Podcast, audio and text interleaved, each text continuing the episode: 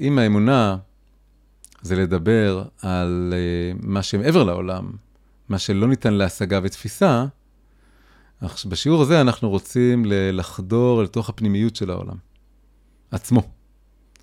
על העובדות שלו, וההיסטוריה שלו, והמורכבות שלו, ויהיה פה גם קצת היסטוריה, וקצת ידע בדתות אחרות, שהרבה יהודים דתיים לא כל כך אה, מכירים, לא כל כך נוהגים ללמוד ולהכיר. אבל חשוב שנכיר, צריך להכיר את זה. בגלל שזה חלק מהדינמיקה הפנימית העמוקה של מה שקורה בעולם. אז אנחנו עכשיו נכנסים, צוללים לתוך השיעור, השיעור השני. והשיעור השני קראתי לו ישמעאל, עשיו ואנחנו, השורשים הדתיים של המלחמה. והנקודת מוצא היא כאן, זה שכשאנחנו מסתכלים על פני השטח, על התקשורת, על השיח העולמי, על איך רוב אנשים מדברים על, הדבר, על, על מה שקורה, אז מדברים על מה? מדברים על uh, ישראלים, פלסטינים, מזרח תיכון, מדברים על uh, מהלכים צבאיים, על ביטחון, על uh, שאלות מוסריות, הרבה שאלות מאוד מעניינות וחשובות. אבל יש רובד עמוק לכל הדבר הזה שהוא רובד דתי. והוא עולה בתוך המלחמה עצמה, בתוך הפיגועים עצמם, כמו שאמרנו, בזה שכל המחבלים צעקו שוב ושוב, לא פעם ולא פעמיים. אללהו אכבר. הם עושים את זה בשם אלוקים, וזה מבחינתם חלק בלתי נפרד מהאמונה שלהם, והאמונה שלהם היא חלק בלתי נפרד מאמנת החמאס, ובלתי נפרד מה שמניע אותם. וגם איך שהם רואים אותנו, הם לא רק רואים אותנו כישראלים. אני אספר לכם שני סיפורים קצרים, אחד שלי, אחד של מישהו אחר. סיפור שלי זה שאחד הרגעים המכוננים במסע שלי לחזרה בתשובה, קרה, למרבה העניין, בעזה.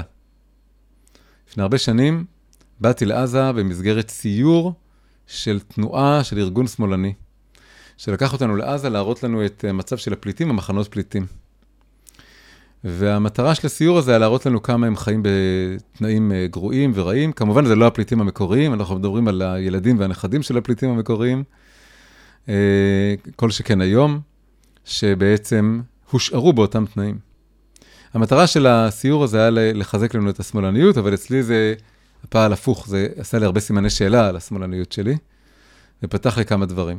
אחד הדברים שראיתי שם מאוד חזק, היה באמת שמי שגר במחנות פליטים חיים בתת תנאים מאוד מאוד ירודים, אבל מצד שני, ממש ליד זה, מול זה, אה, ראשי הרשות הפלסטינית, מי שאז שלטו בהם, זה עוד לא היה החמאס, חיים בווילות מפוארות, אחד ליד השני. וראיתי את מה שקצת ידעתי, שמשאירים אותם בתנאים האלה, כי זה עוזר להשאיר אותם, עוד דבר שלא קיים בכלל במציאות, בסטטוס של, פליש, של פליטים. אין שום מקרה בעולם שצאצא של פליט נקרא פליט, הרי הוא לא נפלט משום מקום. אבל uh, בעזה, אצל הפלסטינים זה קיים, ויש גוף שלם באו"ם שאחראי לדאוג לאותם פליטים. זה מין אנומליה מוזרה כזאת. אז ראיתי את המצב הנורא של המחנות פליטים, אבל ראיתי מול זה אנשים שחיים בפאר כל כך מופגן, כל כך מוחצן, שזה היה דיסוננס בלתי נסבל. אבל הדבר היותר משמעותי שקרה לי היה כשלקחו אותנו למין אה, היכל תרבות שהם בנו בעזה. זה עוד דבר שראה שיש הרבה כספים שמגיעים ועושים איתם דברים אחרים. לא עוזרים לפליטים, אבל בונים היכל תרבות גדול, עם תיאטרון, עם אה, מוזיאון. ובמוזיאון היה, בגלריה היה תערוכה, התערוכה הייתה של ציורי ילדים. והציורי ילדים האלה, הם כולם היו על הכיבוש, והם הראו אה, כל מיני דברים על, ה, על איך אה, הצבא והמתנחלים מתייחסים רע ל, לערבים בעזה. אבל מה שהכי היה מוזר לי והפתיע אותי, היה שכל המתנחלים בציורים נראו כמו חרדים. היה להם חליפות שחורות ומגבעות ופאות. וזה נורא נורא מוזר, בגלל שה... מתנחלים לא נראים ככה. ולמעשה, הספק אם הערבים בעזה אי פעם ראו חרדי בעיניים. והם ראו מתנחלים וראו חיילים. הבנתי מזה שהם פועלים לפי האייקון של היהודי בעולם, הקריקטורה של היהודי. והקריקטורה של היהודי הוא מאופיין בזה שהוא אולטרה דתי. הם בעצם רואים את היהודים כדוסים. הרבה מהמתנחלים שם, לא, לא כולם דתיים, החיילים ודאי לא, לא, רובם לא דתיים. אבל, אה, אבל הם רואים את היהודים, רואים כ, כיהודים דתיים. וזה מתחבר עם עוד סיפור, של אה, אה, כתב ערוץ 13 לענייני אה, ערבים, אה, ידידי הטוב, שפתאום ברח לי השם שלו, אה, שאולי תזכירו לי אותו פה בצ'אט, כולם מכירים אותו מהטלוויזיה. והסיפור שלו, אחד הדברים שהובילו צבי יחזקאלי, תודה רבה. סליחה, צבי. אה, זה שהוא ראיין פעם מחבל. והמחבל שאל אותו, תגיד לי, מה אתה? תגדיר לי את עצמך. מה, מה הזהות שלך? מה אתה? אז הוא אמר לו, איזה מין סולם כזה, הוא אמר לו, אני, קודם כל אני בן אדם, ואחרי זה אני ישראלי, וחוץ מזה, אני גם uh, כאילו חלק, מה, אני, אני מזרח תיכוני, אני חלק מה, מהעולם הערבי, אני דובר ערבית, אני מסתובב בין ערבים, אני חלק מהמרחב הגדול הזה. אז המחבל הזה אמר לו, אתה יכול להוסיף טיפש במעל, מעל, מעל הרשימה הזאת, כסעיף ראשון. אז צבי יחזקאל שאל אותו למה. אז הוא אמר לו, שכשאני אהרוג אותך, אני לא אגיד הרגתי ישראלי, אני לא אגיד הרגתי בן אדם, ובטח שאני לא אגיד הרגתי איזה מישהו שהוא במרחב הערבי, הים תיכוני, המזרח תיכוני, אני אגיד הרגתי יהודי. וזה זעזע מאוד את צבי יחזקאלי, ואחד הדברים שהובילו אותו למסע החזרה בתשובה שלו. יש משהו במבט הערבי עלינו שמזכיר לנו את הסיפור היהודי בצורה שאנחנו לפעמים רוצים לשכוח. יש כאן רובד דתי לכל הסיפור. וכמו שאמרתי, זה לא נגמר ביהדות ובאסלאם. אי אפשר להבין את האסלאם בלי להבין גם את הנצרות. אי אפשר להבין את הסיפור הזה, שיש דת שצומחת באיזשהו אופן מהאמונה המקראית, ומנסה לפרש אותה ולקחת אותה למקום אחר ולגלות אותה לעולם באיזה צורה, בלי להתייחס לדת שעשתה את זה עוד לפני האסלאם, שזה הנצרות. אז לכן זה הכל נהיה פה סיפור אחד, שאנחנו נרצה לאורך השבועות הקרובים להעמיק בו. אבל אני רוצה להתחיל, בזמן שנשאר לי, בלהציג כאן שלוש עובדות מדהימות. פשוט להציג אותם, ואז יהיה לנו שבוע ככה לתת להם לחלחל ולשקוע ולחשוב עליהם. והדבר המצחיק הוא שאתם יודעים כבר את העובדות האלה. כולם יודעים אותם. אבל לעיתים מאוד מאוד נדירות, פורסים אותם ומציגים אותם אחד ליד השני, בכל הכבוד והפליאה וההשתאות הראויים להם. כי הן באמת מדהימות ומפליאות, ודורשות מכל אחד מאיתנו לא להפסיק להתפלא ולחשוב לעומק מה הן אומרות בעצם. אז נתחיל בעובדה הראשונה. העובדה הראשונה היא כזאת, מה היא הדת הכי גדולה בעולם? התשובה היא שזה הנצרות. כמה נוצרים יש בעולם? התשובה היא קרוב ל-2.4 מיליארד נוצרים. מה אוכלוסיית העולם? אוכלוסיית העולם היא 7.8 מיליארד איש. אז 2.4 זה יותר משליש, זה, זה משהו מאוד מאוד uh, יותר משליש? אני חושב שכן. לא, זה קרוב לשליש, סליחה. זה יותר מרבע, וזה קרוב לשליש. מה הדת השנייה הכי גדולה בעולם? הדת השנייה הכי גדולה בעולם היא האסלאם. היא הגיעה למעמד הזה יחסית לאחרונה. לפני בערך 25 שנה, היא לא הייתה הדת השנייה הכי גדולה בעולם. הינדואיזם הייתה הדת השנייה הכי גדולה בעולם. היא גם הדת שגדלה הכי מהר בעולם. אז היא כבר כמה שנים טובות הדת השנייה בגודלה. מה הגודל שלה? 1.8 מיליארד איש.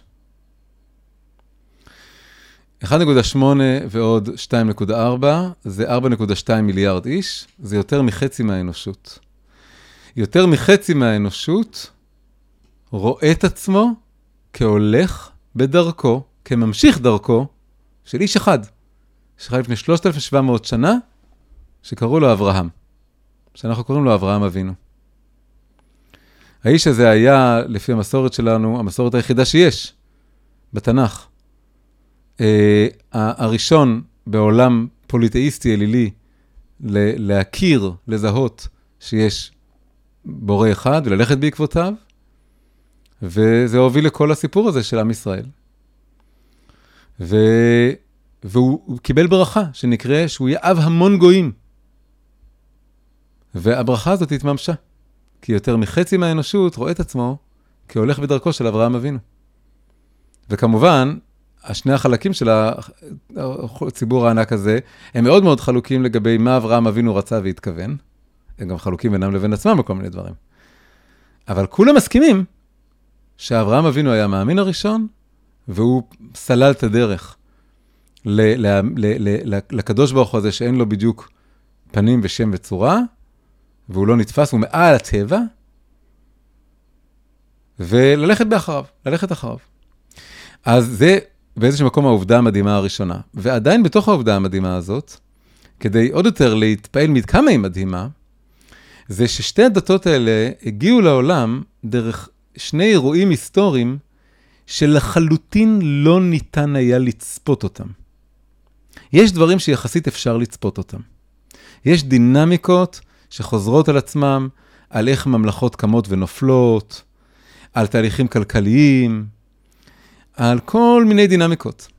ויש היום ספרים שלמים שכותבים על הדבר הזה, על גלים בהיסטוריה, מחזורים בהיסטוריה, כדי לנסות לנבא מה, מה יקרה בהמשך. ויש דברים שקשה לנבא, ויש דברים שאפשר, לכל הפחות לזהות דפוסים של איזושהי חזרה או היגיון. היה ספר מדע בדיוני שנקרא המוסד של אייזק אסימוב. במוסד הוא דמיין איזה מתמטיקאי גאון בעתיד, שהוא קרא לו הארי סלדון, והארי סלדון מפתח שיטה מתמטית שהוא קורא לה פסיכו-היסטוריה, שהיא בעצם, לא, היא, היא פיצחה את החוקים של פסיכולוגיה של המונים. וברגע שהוא פיצח את החוקים של פסיכולוגיה של המונים, אז יש לו את החוקים של ההיסטוריה. ואז הוא הסתכל על כל ההיסטוריה וכל ההווה וכל העמים וכל התרבויות וכל המגמות הכלכליות וההיסטוריות והצבאיות. ואז הוא בונה שיטה שמנבאת את העתיד. והוא מנבא אותה בצורה מדויקת ומדהימה, הוא יודע בדיוק מה יקרה עוד 50 שנה, עוד 100 שנה. וככה הכל מתקדם לפי התוכנית. עד שיום אחד פתאום רואים שהתוכנית שלו לא, לא מחזיקה מעמד. היא החזיקה עד המון שנים. ופתאום רואים שהעולם לא מתנהג כמו שהוא צפה. ולמה? כי מסתבר שבא לעולם איזה מישהו אחד, יחיד, מיוחד מאוד, נשמה מאוד פלאית ומיוחדת, ואת זה הוא לא היה יכול לצפות, בגלל שהוא רק צופה את הפסיכולוגיה של המונים ותהליכים של סטטיסטיקות כלליות. ואם בא פתאום איזה אינדיבידואל נורא נורא מיוחד, את זה הוא לא יכול לצפות וזה מקלקל לו את, את התוכנית. הסיפור יותר מסובך, אבל זה לא העניין שלנו כאן. מה שהעניין שלנו כאן, זה לבוא ולהראות שאיך ששתי הדתות האלה נולדו, אותו מתמטיקאי לא היה יכול לצפות אותם, כי זה נורא תלוי במין תפניות על גבול המקרה של אנשים נורא נורא ספציפיים, שאי אפשר היה לדמיין את זה בשום צורה קורה אחרת. מה זה האירועים האלה? האירוע הראשון זה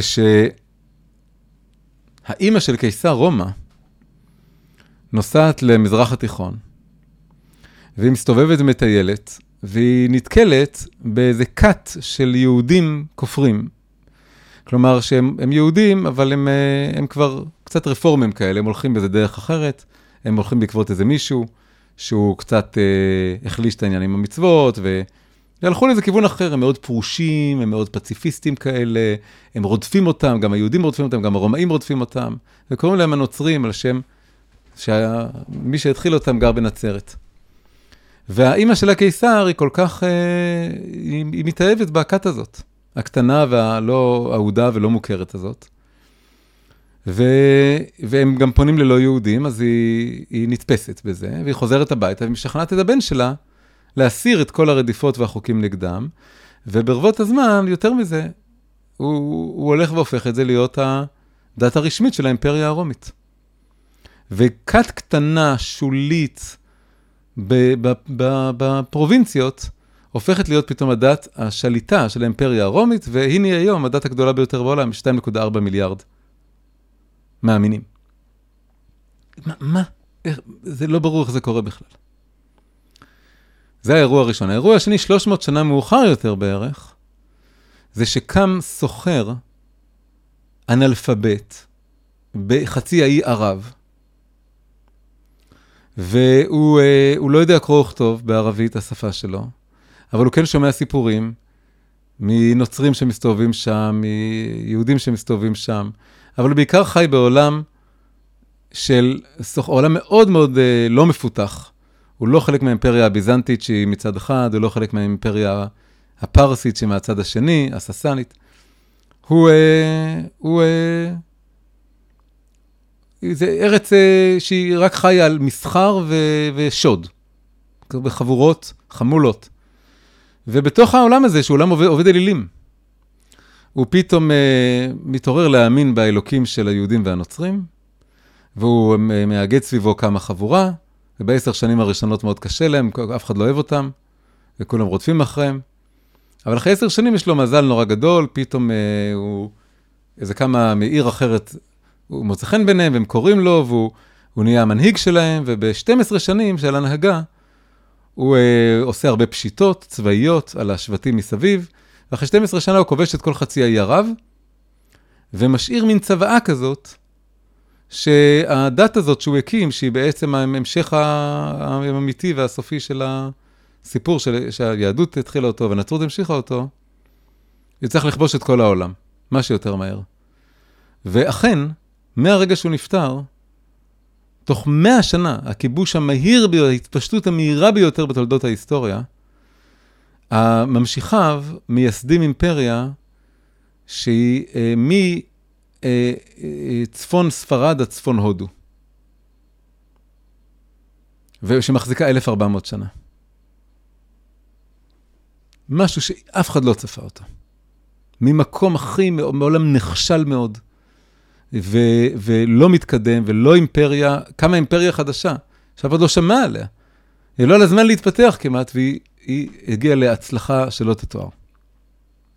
זה כל זה העובדה המדהימה הראשונה, שזה, יש פה את שתי הדתות האלה, והן כולן קשורות לאברהם אבינו. עובדה מדהימה מספר 2. הרבה לפני מוחמד והרבה לפני ישו, אותו סוחר אנאלפבית מערב, זה מוחמד כמובן, כן? הרבה לפני שניהם, התורה מספרת שעם ישראל מתהווה למרבה העניין וה, וה, והמורכבות, לא ברגע אחד, אלא בשלושה דורות. אברהם לא נקרא ישראל, הוא לא מקבל את השם ישראל. גם יצחק לא מקבל את השם ישראל. רק יעקב מקבל את השם ישראל. ורק יעקב, כל בניו, כתוב יעקב מיתתו שלמה, כל בניו, עומדים סביבו ב, על ערש דווי, סביב המיטה שלו, ואומרים לו שמע ישראל, וממשיכים את הדרך שלו. אבל זה רק קורה בדור השלישי, אצל הנכד. למה זה שלושה דורות? למה אנחנו שרים בל פסח שלושה מי יודע שלושה אבות? כי אז זה מתגלגל ככה, שמכל אחד משני הדורות הראשונים יש בן שצריך, אה, לא, הוא לא ממשיך את הדרך.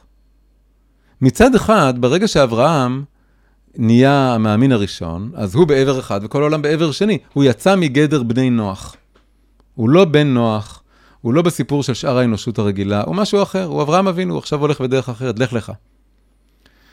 אבל לא כל הילדים שלו ממשיכים.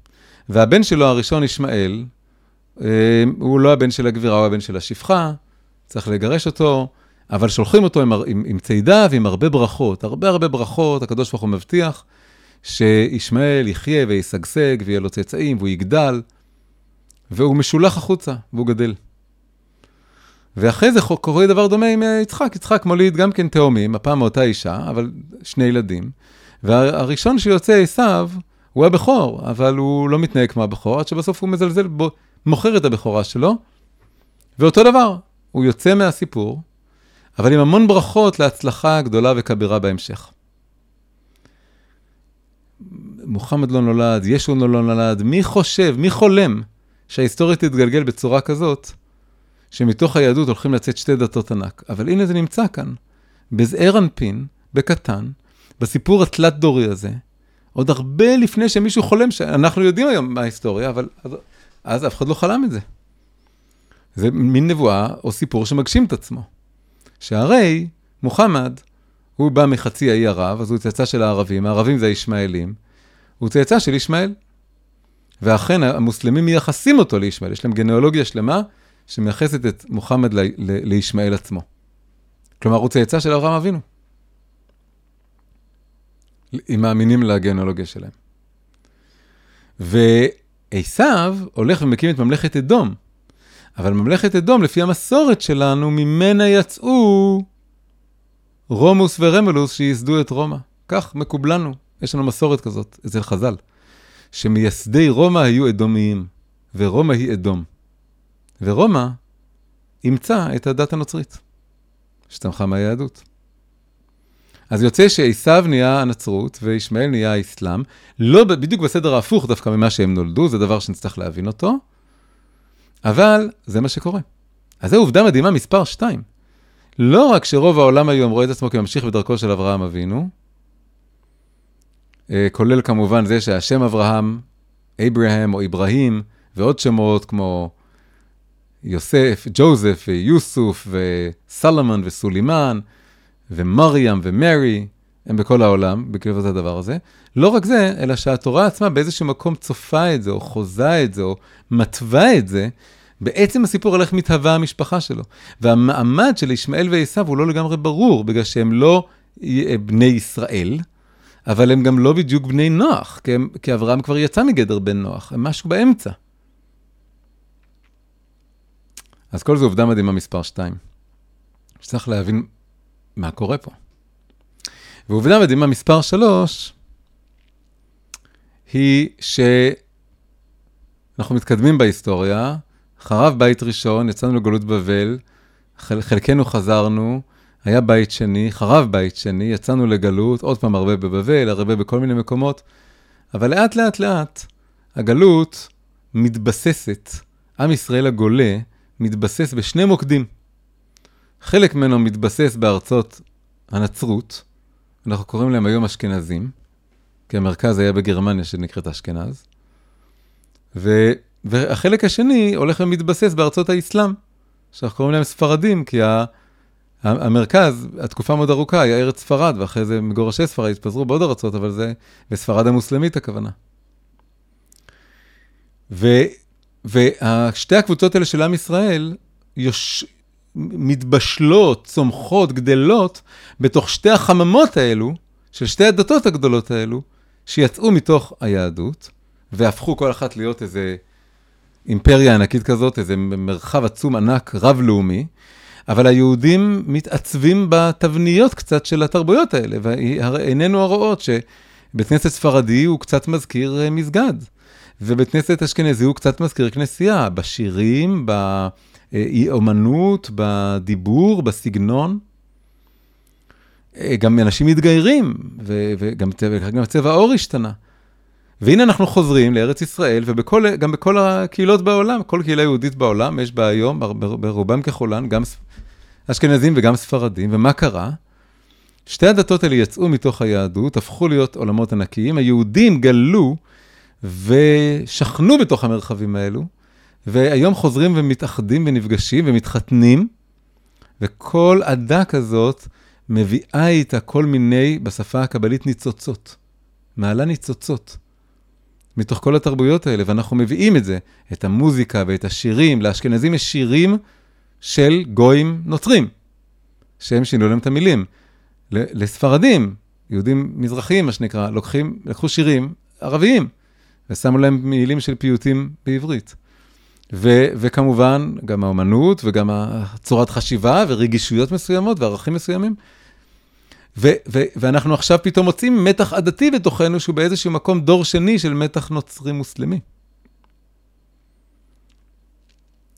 ואם פורסים את כל העובדות האלה ביחד, אז קורה פה משהו נורא נורא נורא מעניין. אני אסיים בעוד, אה, אה, בעוד נקודה אחת. אם אתם תעשו בגוגל, תכתבו את המילה מונותאיזם. באנגלית יש יותר תוצאות, בעברית פחות, אבל אם כותבים את המילה ואז עושים uh, image search, את החיפוש תמונות, אז יופיעו לכם המון המון גרסאות של התרשים המוכר, המקובל, המפורסם בכל העולם, של uh, מגן דוד, uh, צלב וסהר. לפעמים המגן דוד באמצע, לפעמים הצלב באמצע, לפעמים הסהר באמצע.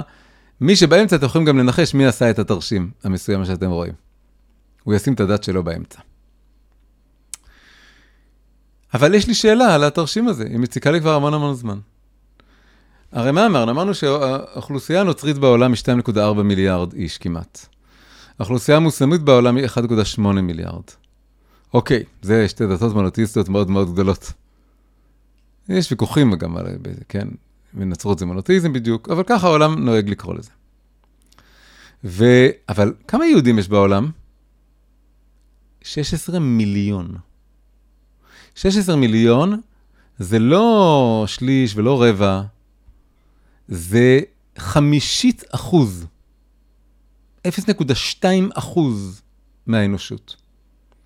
ואם לוקחים בחשבון שלא כולם דתיים מהיהודים, אותם 2.4 מיליארד נוצרים, הם באיזשהו אופן הצהירו על עצמם כנוצרים. אז הם באיזשהו אופן מאמינים. גם לא הולכים לכנסייה כל יום ראשון.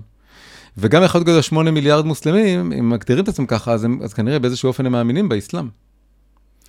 אבל uh, כידוע לנו, לא כל היהודים הם דתיים. אז אנחנו עם סכום אפילו יותר כזה, כמות אפילו עוד יותר קטנה, אולי חצי, אולי חמי... מה שנקרא דתיים ממש, בדרך כלל אומרים שזה 20 אחוז מהעם. אז זה אפילו נהיה חמישית מהחמישית אחוז הזה, זה נהיה 0.04 אחוז מה, מהכלל האנושות. אבל אתם יודעים מה, נגיד, היה עכשיו את היורצייט של רבי לוי יצחק ברדיצ'ב, סנגורן של ישראל, אמר כולם צדיקים, כל היהודים צדיקים ושומרים את כל המצוות, וכולם מאמינים, בני מאמינים, עדיין זה רק רבע, אה, סליחה, עדיין רק חמישית אחוז. אז השאלה שלי היא, למה המגן דוד בכלל נמצא בתרשים הזה של שלוש הדתות? בעצם היה צריך להיות רק אה, צלב וסהר. אם אתה מחפש מונותאיזם, אתה צריך לראות שתי דתות באמת גדולות ששווה לספור אותן.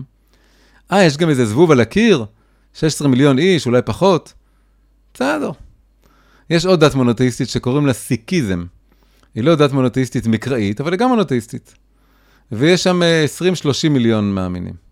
אפילו זה פי שתיים מאיתנו. אבל אנחנו שם, והם בדרך כלל לא שם.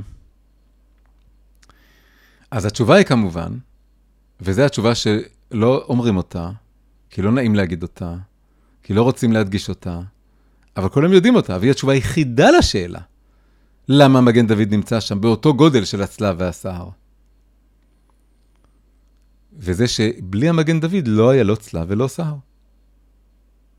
הצלב והסהר צמחו מתוך המגן דוד. המגן דוד הוא המקור המשותף, הוא הדת המונותיסטית הראשונה, שבלי הסיפורים שם על אברהם ויצחק ויעקב וכל הסיפורים של התנ"ך ומצרים ופרעה ויציאת מצרים, אז לא היה נצרות, ואחרי זה גם לא היה אסלאם, שגם בקוראן. אז uh, מוחמד מביא uh, סיפורים מהתנ"ך, והוא ממשיך את הדרך הזאת. אבל אז עולה השאלה הבאה, רגע, אז אם הסיבה שהמגן דוד נמצא זה שהוא בעצם הדת המקורית, שהולידה את שתי הדתות האחרות, אז למה הם...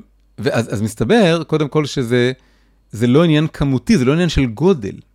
רואים את שלושת הסמלים ביחד, אבל זה לא קשור לגודל, כי אחד מהם הוא בעצם פצפון. אז למה שמנו אותם באותו גודל? כי יש פה הבדל איכותי. יש פה איזה שיווי משקל איכותי ביניהם. שתיים הן ענקיות ואחת היא קטנה, אבל יש לה איזה משהו אחר חשוב, שהיא הראשונה. אבל אז יוצא משהו, יוצא שבאיזשהו מקום היא אפילו קצת יותר חשובה, בגלל שהיא המקורית, והיא זכתה להיות כאן למרות שהיא כזאת פיצית. אז ברגע שאנחנו רואים שזה לא משקף גודל, של, או מספר מאמינים, או היקף, אלא משהו אחר כמו השפעה, וזה העובדה שהמגן דוד הוא המקורי, אז עולה השאלה, אז מי אמר שהדרך הנכונה לצייר אותם זה לשים אותם באותו גודל ועל אותו מישור? ובעצם מה שאני מנסה לנק... לנקב פה, זה את ה... אחד השקרים הכי גדולים של התרבות היום, העולמית. וזה שמציגים את שלוש הדתות האלה כשלוש אחיות. שיש שלוש דתות מונותאיסטיות, כאילו הם שלוש אחיות כאלה. הן קצת דומות וקצת שונות, יש להם שורש משותף אחד, וממנו יצאו שלוש הדתות האלה. הם שלוש אחיות. אבל זה לא נכון. זה לא שלוש אחיות, זה אימא ושתי בנות. נכון, האימא היא נורא קטנה, ושתי הבנות עשו חיל. הם גם ניסו לעשות מה שהאימא לא ניסתה. הם ניסו ללכת ולהביא את הבשורה שלהם לכל העולם. וכל אחת חושבת שהיא צריכה להביא את זה בסוף לכל העולם, ולדחוק את רגלי השנייה. אבל הם הצליחו מאוד. לפי קצב הגידול הנוכחי שלהם, עוד כמה עשרות שנים, אה, שליש מהעולם יהיה נוצרי ושליש מהעולם יהיה מוסלמי. אבל זה בת ושתי בנות. אה, סליחה, זה אימא ושתי בנות.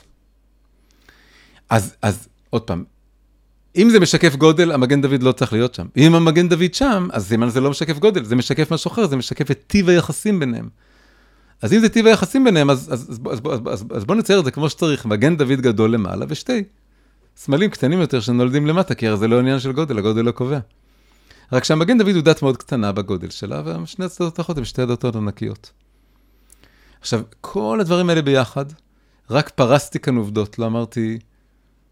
ברור שהצגתי אותם בצורה מסוימת, ובסדר מסוים, וב... אבל אני מנסה לפרוס כאן דברים שנוהגים לא להסתכל עליהם, ואפילו לטשטש אותם, ולהעמיד פנים שהם לא שם. למה? כי רוצים עולם עם סובלנות, ועם, בלי מלחמות דת, וגם אני רוצה עולם עם סובלנות ובלי מלחמות דת.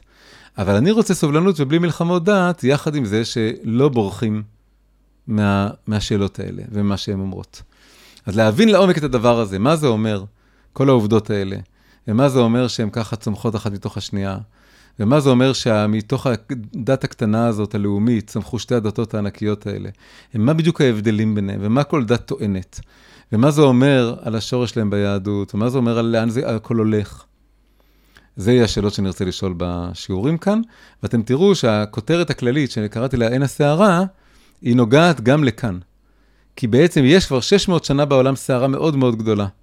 והסערה הזאת היא מלחמה מאוד גדולה בין האסלאם מצד אחד, והתרבות המערבית ששורשה בנצרות מצד שני.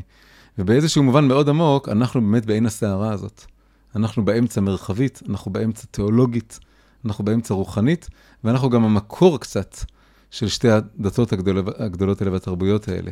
אולי אולי ביהדות יש גם את המפתח לפצח ולהבין וליישב את המלחמת עולם הרוחנית הזאת בין שתי התרבויות האלה.